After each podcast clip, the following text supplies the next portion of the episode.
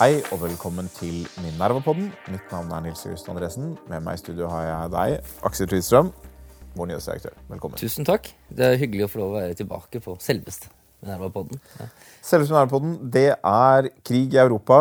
Eh, Vi skal snakke om den, men vi skal begynne med litt hjemlig politikk. Det skjer ting her også. Vi må prøve å, interessere oss litt for noe av det, selv om det av og til kan synes eh, smått sammenlignet med de store, store utfordringene i verden.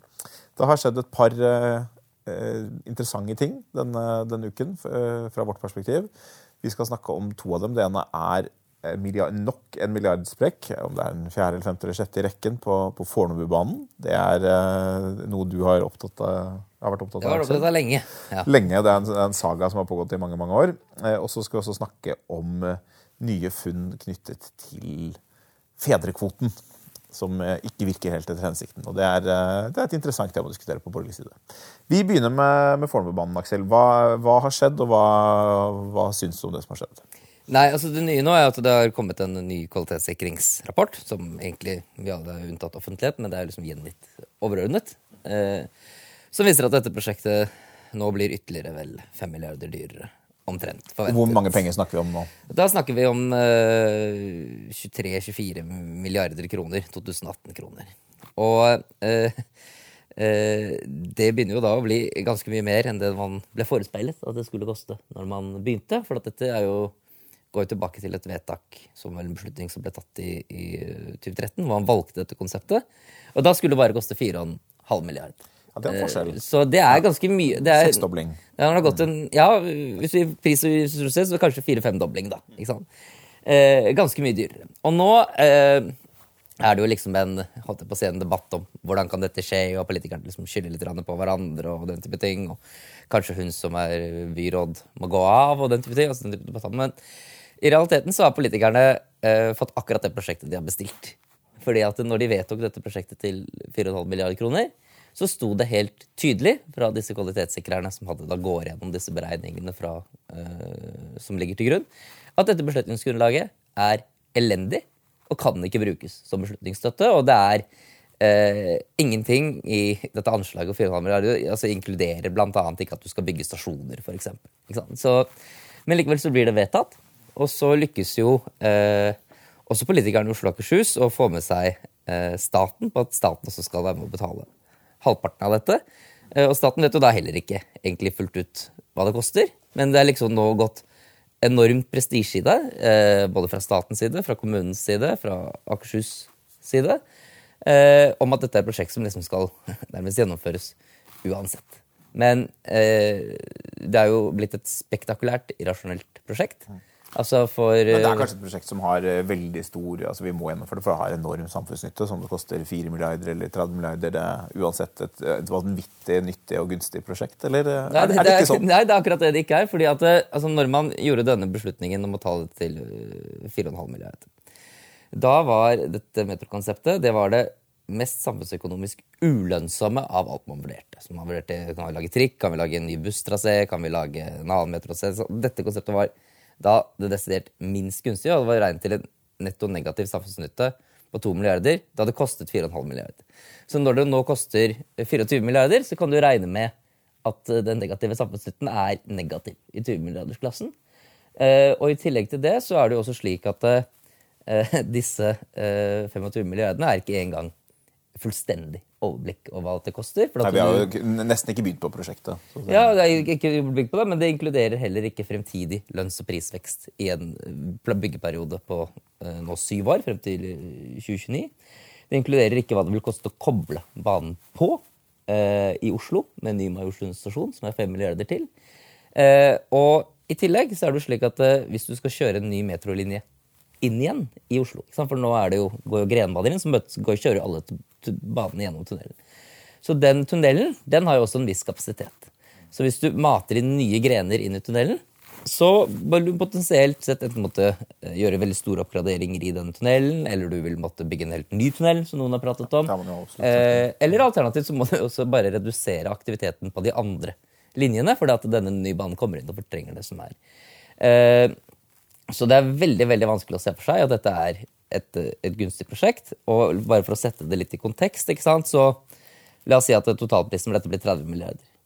Årlig så har jo kollektivselskapet Ruter, som kjører eh, trikk og buss og bane i Oslo og Akershus, de har billettinntekter årlig på i underkant av 3 milliarder kroner. Så for den summen så kunne du kjørt gratis kollektivtrafikk i Oslo i hvert fall ti år. ikke år. Eh, Altså, hvis, du på litt hvis du klarer å få 10% avkastning på pengene, Ja. så kan du kjøre gratis alltid. Nå er 10, 10 er høyt, men, men altså bare for å Ja, ja, illustrere. ja, ja. Du kan nesten kjøre gratis alltid hvis du bare dropper denne, denne type prosjekter. Så øh, det er nok ikke så lurt. Eh, men eh, det interessante er jo kanskje hvorfor eh, Hvorfor sånne prosjekter i det hele tatt fins. Altså, det er jo også interessant å La, la meg bare si, si litt, Jeg kjenner jo ikke denne saken så godt som deg, Aksel, men jeg merker at jeg, jeg kjenner på, på skattebetaleren i meg. dette, men, men ikke bare skattebetaleren. altså det, det at vi har så mange sånne prosjekter Én ting er at det er kostnadssprekk, eh, det, for det, det, det skjer blant. Men det som er mye verre, er at det ofte ser ut som det er en akseptert kostnadssprekk. Man, man, man vedtar eh, prosjekter som man vet vil bli vesentlig dyrere, men man vil ikke erkjenne det, fordi da skjønner man at det ikke ville kunne gli gjennom, ikke sant? eller at du, da ville folk reagere. Eh, Det er det ene. Og det andre er at man, eh, om du får en, eh, hvis det viser at det blir tre ganger, fire ganger, fem ganger så dyrt som man trodde, så får det ingen konsekvenser. Man avslutter ikke prosjektet, det er ingen som mister jobben, det er ingen som eh, omplasseres. Eh, Man tenker ikke nytt. Eh, Og det er jo som du sier her, så det er jo mulig å bygge, kjøre buss til, til Fornebu. Det går allerede buss. Det går allerede buss, det går an å oppgradere det å kjøre oftere. Men det er noen som har fått det for seg at dette på en eller annen måte gjør Norge, Oslo til en mer moderne by. et eller annet sånt. Helt greit. Eh, Lov å argumentere for at man liker banen. Alle liker banen, alle liker å sitte på trikken og lese en intellektuell avis og sånn. Jeg, jeg liker det veldig godt. Eh, Men, men det har en kostnad. Og denne type kostnader altså Det er et eller annet med den situasjonen vi befinner oss i i verden, både og, og i Norge, med de at vi, vi har en, et sett med nye typer utfordringer. eh, Økonomisk, sikkerhetspolitisk, klima i og for seg. eh, Mange ting som kommer til å kreve ganske mye av som samfunn eh, fremover. Og, vi, og i Europa og i Vesten så har vi hatt store interne spenninger de siste ti årene. Og det, vi, liksom, vi kan ikke bare kaste 20 milliarder kroner på ting som ødelegger samfunnsverdier. Det, det er eh, totalt uakseptabelt og fullstendig galskap, men det er blitt en kultur for det i deler av norsk politikk. Det er jo deler av norsk politikk, det er deler av utgiftene som, som ikke er sånn, hvor man liksom hele tiden prøver å stramme inn og, og ha kontroll, men ikke minst samferdsel har blitt et område hvor, hvor milliardene kan fly ganske uten konsekvenser. Hva, hva, hvorfor er det blitt sånn? Hva tenker du om dette? Nei, altså hvis du bare tar dette Oslo-samferdsel som et case, da, for det er ganske illustrerende. Ok, Så har det vært sånn Oslopakke 1, 2, 3, nå har vi Oslopakke 3, eh, hvor da denne Fornebubanen ligger. Opprinnelig, når man eh, begynte med dette, ikke sant, så må du sette opp eh, bompenger, og du må ha en ganske god, god grunn for det. ikke sant? Og i starten da så vil jeg si at eh, de prosjektene som ligger inne, de er noe som du kan du kan kalle metodologien sånn strategisk design. da. Altså Man har ganske tydelig artikulert et problem, som er ganske godt artikulert. Og så setter man sammen en prosjektportefølje som bygger opp under å nå de målene. Uh, og i starten av denne sagaen med bompengeringen så var veldig mye av det som var av prosjekter som ble gjort, i henhold til et sånt strategisk Gode design. prosjekter. Gode prosjekter liksom. Eh, men når du har holdt på lenge nok, så vil du til slutt også ha realisert veld, veldig mye av det som bygger på strategisk design. Men kontantstrømmen fra bompengeringen blir jo ikke nødvendigvis borte ved mindre politikerne går inn for å, for å avslutte den. Man må, finne, Eh, og- ha penger og må finne prosjekter. Ja, og det som da skjer, er at du får en helt annen dynamikk enn strategisk design, som jeg egentlig kaller for forhandlingsplanlegging. Og der er alle prosjektene De inngår ikke nødvendigvis i et helhetlig strategisk design, men de har blitt mål i seg selv. Så alle de som bor på Fornebu, vil ha Fornebubanen, og kanskje noen som bor i området. Alle de som bor på Røa, vil ha Røa-krysset, de som bor på Manglerud, vil ha Manglerudtunnelen. Men disse tingene henger ikke nødvendigvis sammen på noe vis. De er bare er der fordi at for å få de som vil ha Røa-tunnelen eh, for å stemme på Follobanen, så må de få Røa-tunnelen og omvendt. Og så bare legges alle prosjektene på hverandre uten egentlig at du kan argumentere for at noen av prosjektene løser de problemene som byen trenger å løse.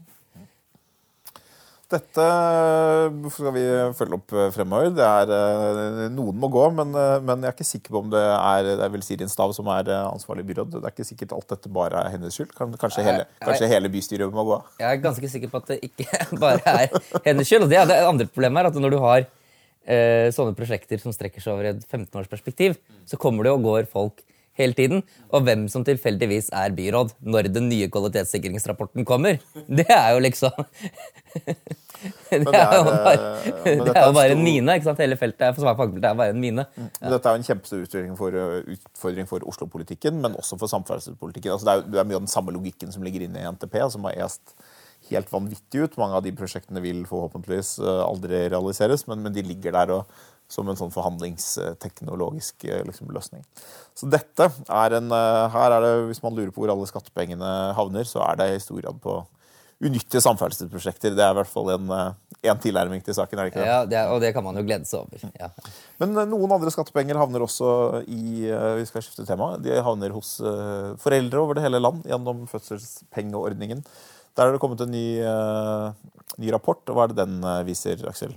Det er en rapport fra Nav som man har sett på uh, i hvordan denne tredelingen av uh, foreldrepermisjonen For det ble vedtatt i vel 2018, og effektuert også fra, fra 2018, der hvor uh, foreldrene vel får 15 uker hver, og så får de en pott som de kan fordele seg imellom.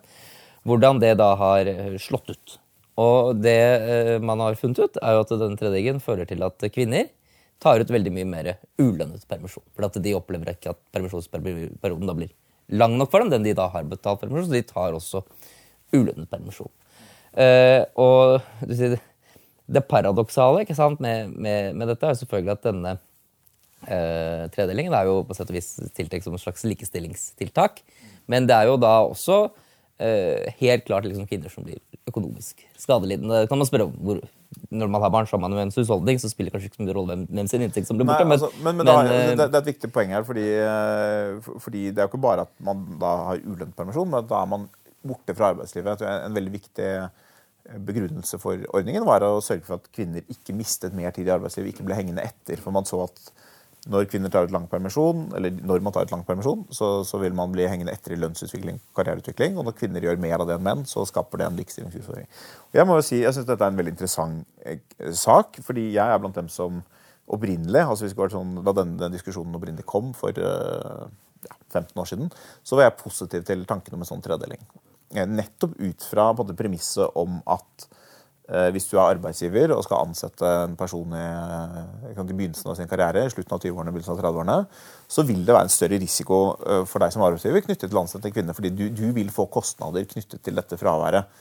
Eh, I hvert fall i småbedrifter. Selv om det, staten dekker eh, permisjonen, så, så, så er det en kostnad å ha folk ut og inn.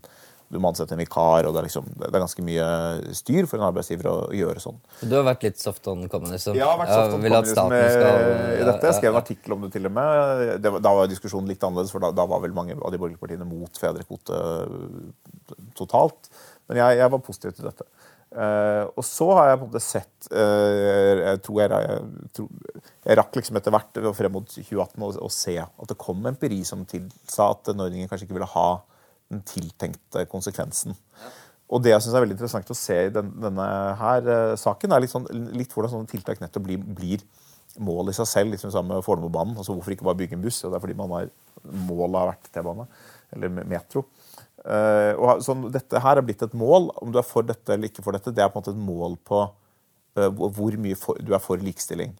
Og om det da blir sånn at veldig mange kvinner tar ut mer permisjon, sånn at de ikke faktisk får noe kortere fravær fra arbeidslivet, men bare får mindre penger igjen for det, eh, så endrer det liksom ikke på Det, det endrer da ingenting, fordi, fordi det er policyen som er blitt målet, snarere enn et eller annet man skal nå. Og det, vi har jo da, Denne uken så har vi eh, vår journalist Anne Viken har jo da lagt et par saker Veldig mange dette. fine saker, egentlig. Fine ja. saker på dette, intervjuet eh, Venstre og SV og KrF, som KrF har jo vært mot dette, men, men eh, Venstre og SV har vært veldig for denne endringen. Og det som slår meg ved, de svarene de gir, er Dette er selvfølgelig fordi jeg er politisk uenig i, i dette, men, men svarene slår meg som, som dårlige fordi de er eh, altså, misvisende eller irrelevante eh, i, i noen grad. hvor Venstre, altså begge, begge peker på ja, men problemet er at dette skjer fordi eh, vi ikke har flere barnehageopptak. sånn at folk blir, det, det, går lang tid fra permisjonen er ferdig til folk må inn i barnehage. Sånn, ja, Det er jo sant, men det er jo, dette er jo ikke en endring som har skjedd siden 2018. Dette, dette kan, Sånn har det alltid vært. Sånn har det alltid vært. Dette kan ikke forklare økt permisjonsuttak, ulønnet permisjonsuttak fra kvinner. Det er, Det er ikke en forklaring på det. Man tar opp noe som det er klart at Hvis man eh, eliminerer det problemet, så vil folk antagelig ta ut mindre ulønnet permisjon. Men det, det, det, sier ingenting om effekten av dette tiltaket. Og SV på sin side sier også at ja, det, det, viser at permisjonen samlet sett er for kort. Ok, Så her skal vi ha åpenbart enda flere milliarder inn i, et eller annet. Men, men Eh, hvor man da peker på at eh, det er mindre lønnsomt å ta 80% permisjon over, 59 uker enn 100% permisjon over kortere tid. Eh, og det er også sant, og det er i og for seg et problem som man gjerne kan adressere, men som også er noe som ikke har endret seg siden 2018. Så både ingen av svarene de gir, har noe med dette å gjøre. Venstre påpeker også at, ja, eller de påstår også at ja, det, pga. velstandsøkning så tar folk mer ulønnet permisjon. Men velstandsøkningen siden 2018 er, er, veldig lav og kan på en måte ikke forklare denne type endringer. Så man er på en måte ikke villig til å si altså, Hadde man nå i hvert fall sagt liksom, ja, denne endringen forutså vi ikke ordentlig, og den, den må vi ta, ta, på alvor, og så må vi så mener vi fortsatt at dette er viktig. Det må man jo få lov å, å si. ikke sant? Vi, vi, vi, vi, må se hvor vi går fremover. Vi må finne en ny policy for å se om vi kan gjøre noe med dette. eller et eller annet sånt. Men man er på en måte uvillig når, når, når, policy blir et mål, så får man et stort problem med å forholde seg til fakta. Ja, og så I tillegg så uh, kommer man jo også til å si at policyen er et mål i seg selv. Ikke, sant? ikke at uh, foreldrene skal ha det bra, men at de skal ha det bra på den måten politikerne har definert.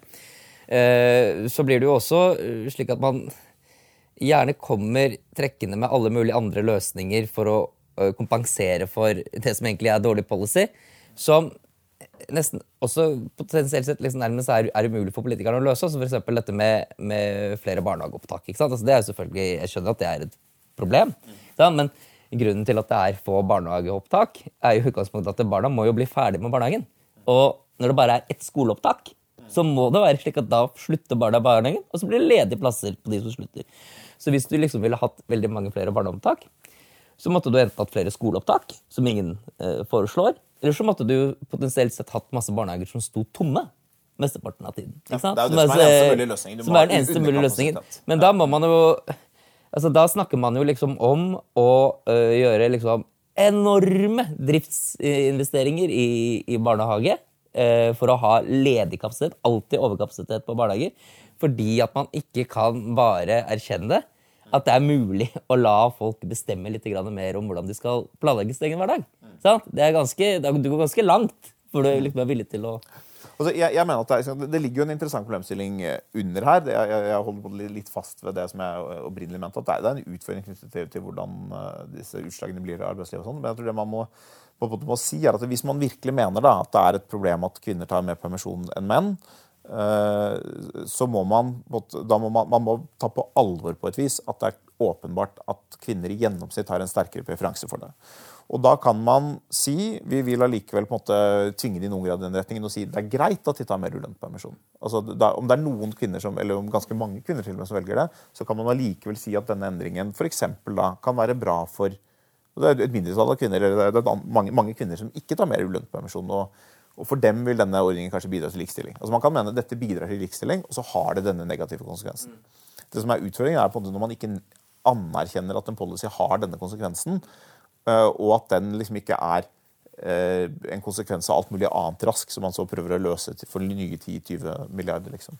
Og igjen, det er sånn, Den type tankegang og, det å da slenge liksom dårlige milliarder etter, etter gode milliarder, det eh, jeg tror nok mange norske politikere har vent seg til at det har, det har, vi da fint råd til, og det har vi på en måte hatt også. Men, men det, vi kan ikke holde på sånn. Altså. Det er, så dagens strenge ord til SV og Venstre Gjør hva dere vil liksom, rent likestillingsmessig, men ikke sleng milliarder. Ikke sleng så mange milliarder etter. Det, det går ikke lenger. Vi kan ikke gjøre hva du burde høre på det vi sier på Minerva-podden. Ja. Men skal vi hoppe til neste tema? Ja, fordi det er, det er en av grunnene til at vi ikke kan bare slenge alle disse milliardene ut. Det er jo da krig i Europa. Det er ganske alvorlig. Um, ja. ja. Du har jo skrevet om eh, det nylig. Jeg har det. Eh, og da i Eh, da med en innfallsvinkel egentlig på, på, Russland, og hvordan nå også russiske eh, statsmedier publiserer liksom innlegg som går hva kan jeg vil kanskje si at det nærmer seg en folkemordsoppskrift. da. Altså, Det sier ikke at det, det er i ordtekst, men det er det det er. Det er den type tiltak som Ja, eller folkemord. Det er, det dette er juridiske termer som man må bruke med litt varsomhet. Men, men det, er tekster som går veldig langt. Eh, Jeg har oversatt en, en tekst eh, fra, publisert i Rian Novosted. Det gjorde vi jo i begynnelsen av krigen også. En tekst som ble, ble publisert og så avpublisert. Den ble antagelig publisert ved en feil. En tekst som da var basert på at man hadde vunnet krigen veldig raskt, hvilket man da ikke hadde. Denne her er publisert eh, nå, nå på søndag. Og har jo da tatt inn over seg at denne krigen ikke har gått eh, så bra som man ønsket. Eller at man har møtt mye sterkere motstand enn det man kanskje hadde trodd. Eller helt sikkert enn det man hadde trodd. Eh, og det er en tekst som da går veldig langt i å beskrive liksom hele det ukrainske samfunnet som et nazistisk samfunn. Det er veldig mye interessant ved det, og det er det som skjer selvfølgelig når man beskriver ikke bare ledelsen, ikke bare regimet, men befolkningen som aktive og passive nazister, er ordene som brukes. Det er, at, eh, det er jo en form for dehumanisering eh, som åpner opp for brutalisering. eh, Som gjør at eh, russeres reaksjon på de eh, meldingene man får om krigsforbrytelser og sånn, blir eh, lettere blir sånn Ja, men de var jo nazister, de fortjente det. Eh, Og som også går litt, går, litt videre da på at det sier sant, at alle nazister som har hatt våpen i hånd, dvs. Si alle som har vært i, i Forsvaret, de, de bør liksom ødelegges på, eh, på, på, eh, på slagmarken. Eh, Og det kan man jo si om mange av dem som ligger døde der. Men også at aktive nazister må straffes demonstrativt. Eh, Det er ikke helt klarlagt hva som skal være dødsstraff og hva som ikke skal være det, men, men aktive nazister kan nok liksom også drepes. Eh, Og for mange av dem så bør det være dødsstraff. Passive nazister må også straffes, eh, omskoleres osv. Det er omskoleringsleire som man jo har hatt i kommunistiske land tidligere. Eller, og det er et viktig poeng knyttet til igjen, du sa med, altså folkemord, men også etnisk rensning. De passive nazister må, må man regne med at eh, må flykte fra dette landet, eller flytte fra dette landet. Eh, Man ser for seg denne De snakker vel om at Ukraina skal opphøre å eksistere som nasjon. Ja, altså det, det, det, det de sier er, sant? Denne artikkelen ser for seg at, man, at Russland okkuperer en veldig stor del av Ukraina. Eh, Det er ikke spesifisert akkurat, det er ikke spesifisert noen grenser, men de sier at det kanskje det vil være et rest-Ukraina helt i vest. De, de katolske provinsene, som de kaller det. Helt i vest. Eh, Og dit vil de, liksom, de som ikke kan eh, omskoleres og, eh, og sånn, de må flytte dit. Eh, Så det, og det er jo på den etniske rensning. ikke sant? At man, man kan se for seg at man flytter ti millioner ukrainere eh, vestover, sånn at Russland kan styre de områdene som er igjen. Fordi Ellers så vil det ikke kunne gå. ikke? Vi ser, vi ser jo det fra byer som, okkuperte byer som Kherson. Det er ikke mulig å styre en sånn by over tid. Altså, Styre et land med 20 millioner innbyggere som er mot uh, denne okkupasjonen, det vil være en ekstremt kostbar, uh, krevende affære. Så, så man ser for seg at man liksom oppretter da nye folkerepublikker. Uh, mesteparten av Øst-Ukraina, og så er det kanskje noe liksom rest-Ukraina i vest, hvor man sender resten. Og de som er igjen, de blir altså enten eh, drept, fengslet, utrensket osv. Og det som er litt interessant med det, er at altså, så det er en oppskrift. Og det, denne kommer jo samtidig som man får disse meldingene fra Butsja, Irpin og, Det er og veldig sånn. vondt å lese, særlig i lys av, Ja. av de bildene. For at du ser at det, Du ser hva- systematikken i det. du ser på et vis, syst- altså, Du ser systematikken i dette. Så, så, men det interessante er liksom da hvordan man bruker ordet nazist. Det er liksom noe helt gjennomgående. Det er reklamer fra, for, for krigen. Og så er det er reklamer for, for denne spesielle militæroperasjonen på russiske TV-kanaler. Hvor man da bruker soldater til å også bruke liksom det, hele dette nazistspekteret av uh, visuelle effekter og følelser og sånn. hvor man, Det er en direkte sammenligning med, med annen verdenskrig og denne krigen. Eh, en overskrift i en av Russlands største aviser, Argumentet i Fakti, i, i går eller i forgårs, hvor det sto Tsjekkia ga eh, stridsvogner til Hitler. Eh, eller først, først Hitler, nå Zelenskyj.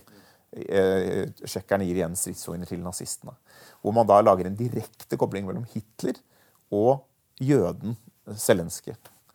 Eh, Som er liksom helt vanvittig. Og, og, og hvordan er det mulig? Jeg tenkte må si litt om Det for det, må, det kan være ganske rart for mange. Sånn, hvordan er det mulig at russere på en måte tror på og aksepterer en sånn retorikk hvor alle ukrainere er nazister? Eh, når man vet at Ukraina liksom, er ikke nazismen noe som er totalitært, antisemittisk, eh, organisert på en spesiell måte, en førerskikkelse osv., så, videre.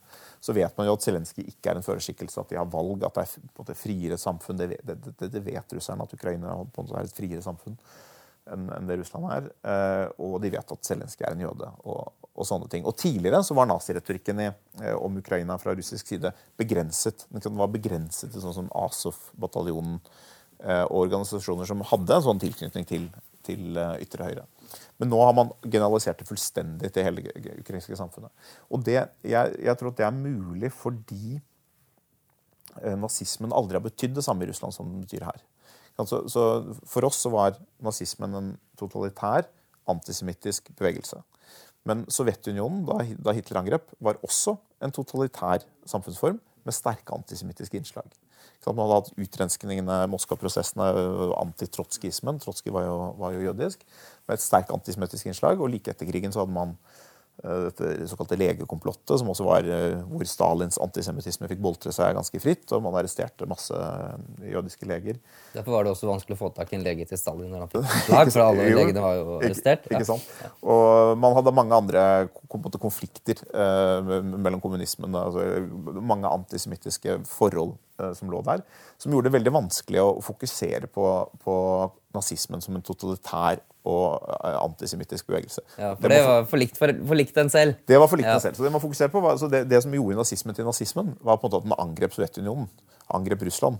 Det var det, var det som var problemet med, med, eh, med nazismen. Og det, det, ser man også veldig tydelig fra altså før, før Tyskland angrep Sovjetunionen, så hadde man jo tvert imot et samarbeid sant, om å dele Polen. og Eh, og sånne ting. Så, så, nazismen i russisk forstand er, er, på en måte noe annet. Det er en ekspansiv militærbevegelse rettet mot Russland. Et fiendskap, et hat mot Russland, et hat mot russiske verdier.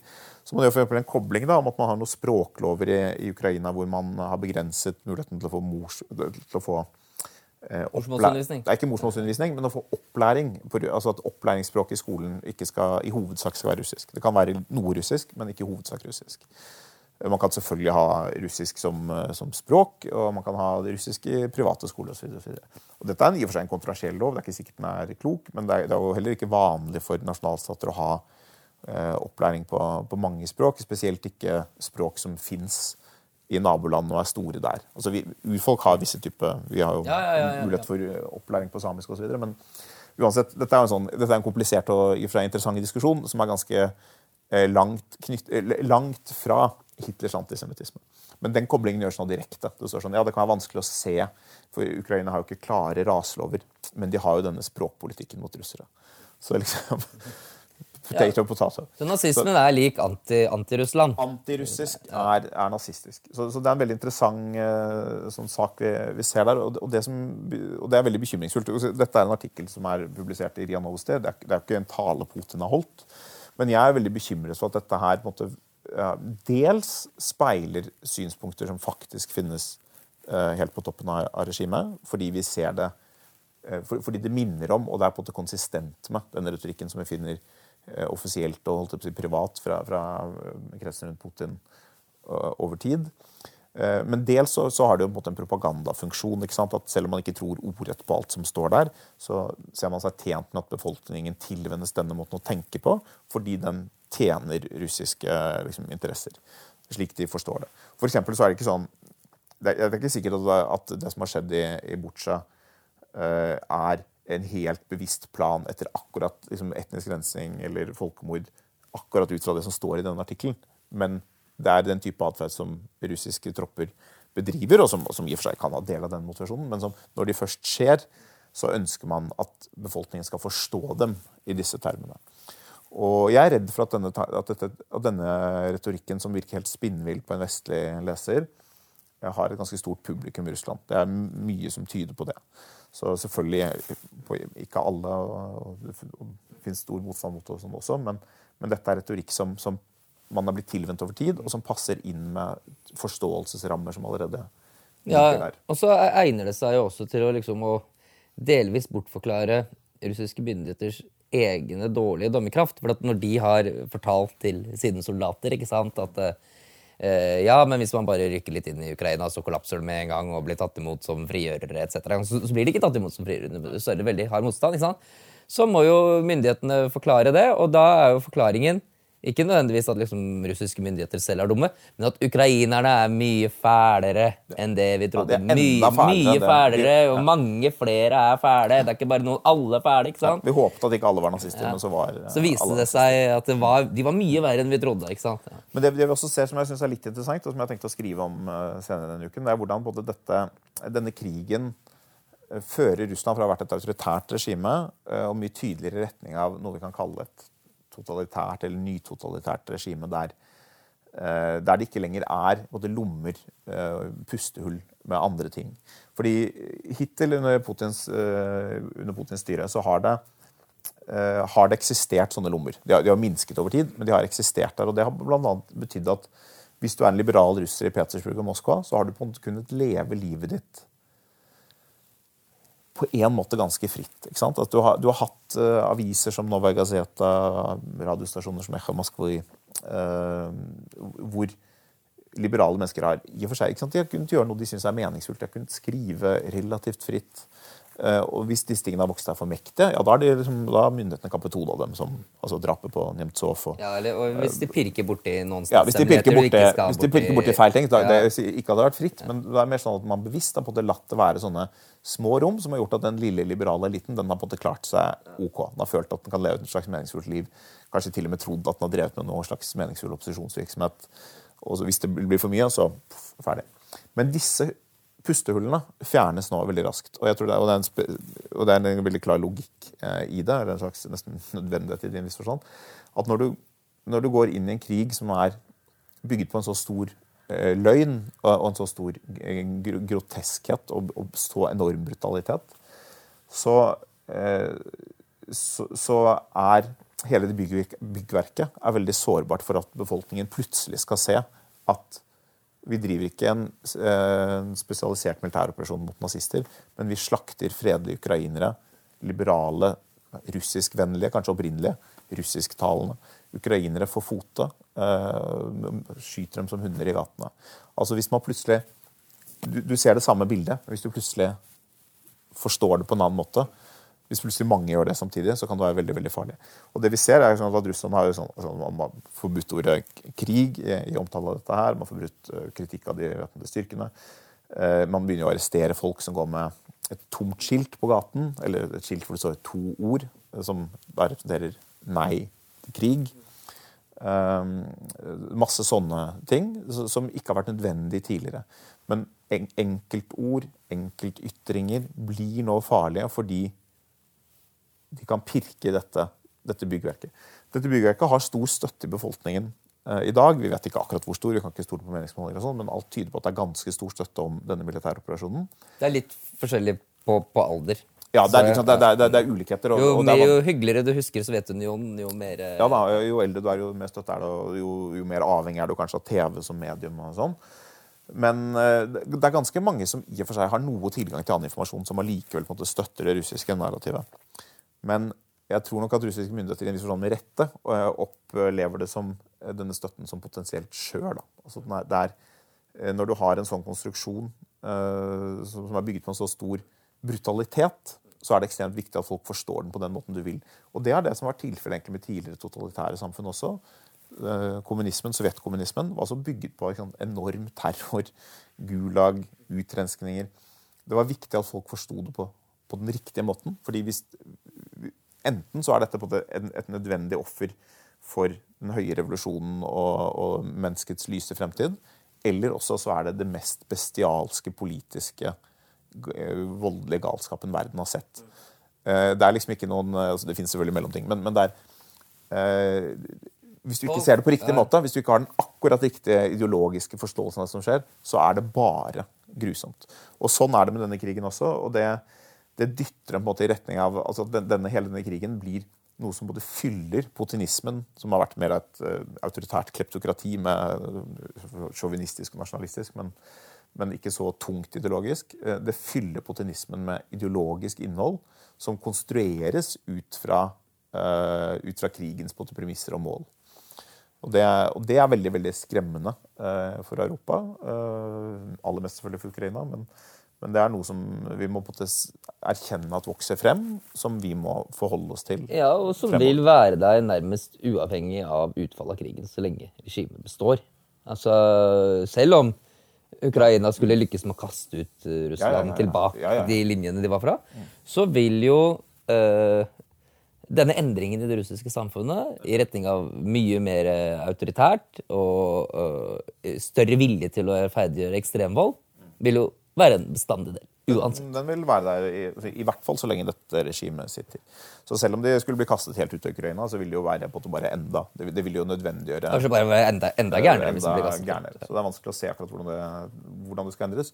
Så, noen ganger endres jo sånne ting, men jeg tror vi må være innstilt også på at det tar tid. Jeg tror I Vesten så har vi av og til en sånn, sånn optimistisk eh, forståelse av at eh, ekstrem undertrykkelse kan jo ikke vare over tid. Folk vil reise seg, de vil ikke akseptere det og sånn. Men den russiske erfaringen er jo ikke sånn. Også Sovjetkommunismen varte i over 70 år, med varierende grad av ekstrem undertrykkelse, selvfølgelig, men, men lange perioder med ekstrem undertryk- undertrykkelse. Og eh, aldri, noe oppgjør, aldri noe reelt oppgjør med det. Og mange andre land har også den erfaringen, og det, det er på det, vi, det vi ser akkurat nå. Og sånn sett så er jeg på en måte altså Situasjonen i Ukraina er jo dyster. Jeg, jeg er advart mot å være altfor optimistisk, selv om eh, Ukraina har eh, imponert militært og, og på andre måter. Eh, Men for Ukraina så går det an å være optimist. Eh, Og vi, kan, og vi har en policy eh, for den optimismen som er å støtte Ukraina på alle mulige måter som vi kan, og som er det som bør være den vestlige politikken. Og Da kan man håpe at det som kommer ut av det, det vil være et samfunn som, som har en fremtid, og som, som kan skape en, en fremtid for seg selv. Mens for Russland så er det nå veldig mørkt, for det er vanskelig å se veien ut av dette for Russland. Mine ukrainske venner de dro flyttet tilbake til Kiev. I, eller de gjør det i morgen. Så øh, det er en del uh, optimisme der. Jeg vil også si at jeg syns det kanskje er litt modig å dra tilbake dit. Men uh, uh, det er jo veldig fascinerende, og de ukrainerne som jeg prater med, altså hvordan de, de tenker om uh, fremtiden. Og veldig mange ukrainere tror jo at det vil ta forholdsvis kort tid å bygge opp igjen landet etter krigen. Men det forutsetter jo selvfølgelig også at de er i stand til å vinne. De må i en eller annen forstand vinne. Og så Hvordan den seieren ser ut, det, det, får vi se. Men de må, de må vinne, og så må de få hjelp og støtte. La oss slutte på den litt mer eh, optimistiske tanken der. Altså. Takk for podkast. Takk for i dag.